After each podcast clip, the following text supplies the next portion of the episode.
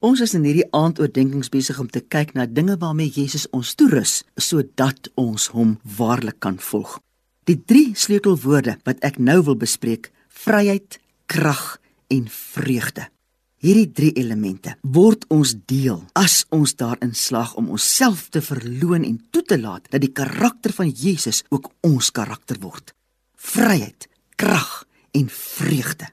Omdat sy waarheid ons losmaak van die dinge in ons lewe wat ons steeds in kettinge vashou, beleef ons vryheid. En daar is geen vryheid wat kom by die vryheid wat in Christus is nie. Omdat ons ontslaa raak van dinge wat skeiding maak tussen ons en ons Vader en Jesus, na die mate waarin ons vryheid groter word, is daar ook spasie vir sy krag om tot ons deur te vloei. Ons God is die bron van krag. Hy is krag. Hoe groter ons kanale na hom oop is, hoe meer krag ontvang ons van hom.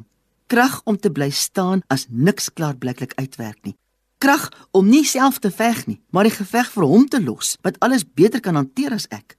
Krag om te wag op sy krag wanneer dinge om my lyk of dit net nie wil verander nie.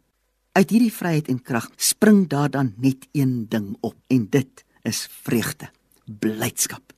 Onthou Nehemia 8 vers 10 Die blydskap van die Here is my beskutting.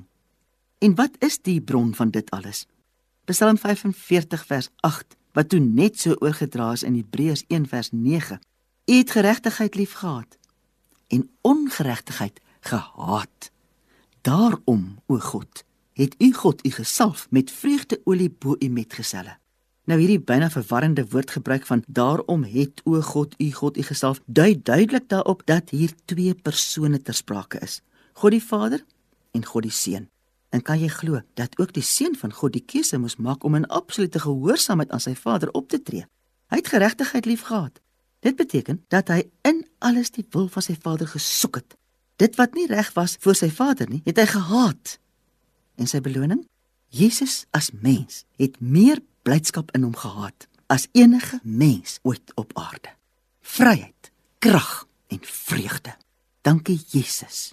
Ek begeer hierdie vryheid en hierdie krag en hierdie vreugde en ek begeer dat dit my beskutting sal wees. Help my om daarin te groei. Amen.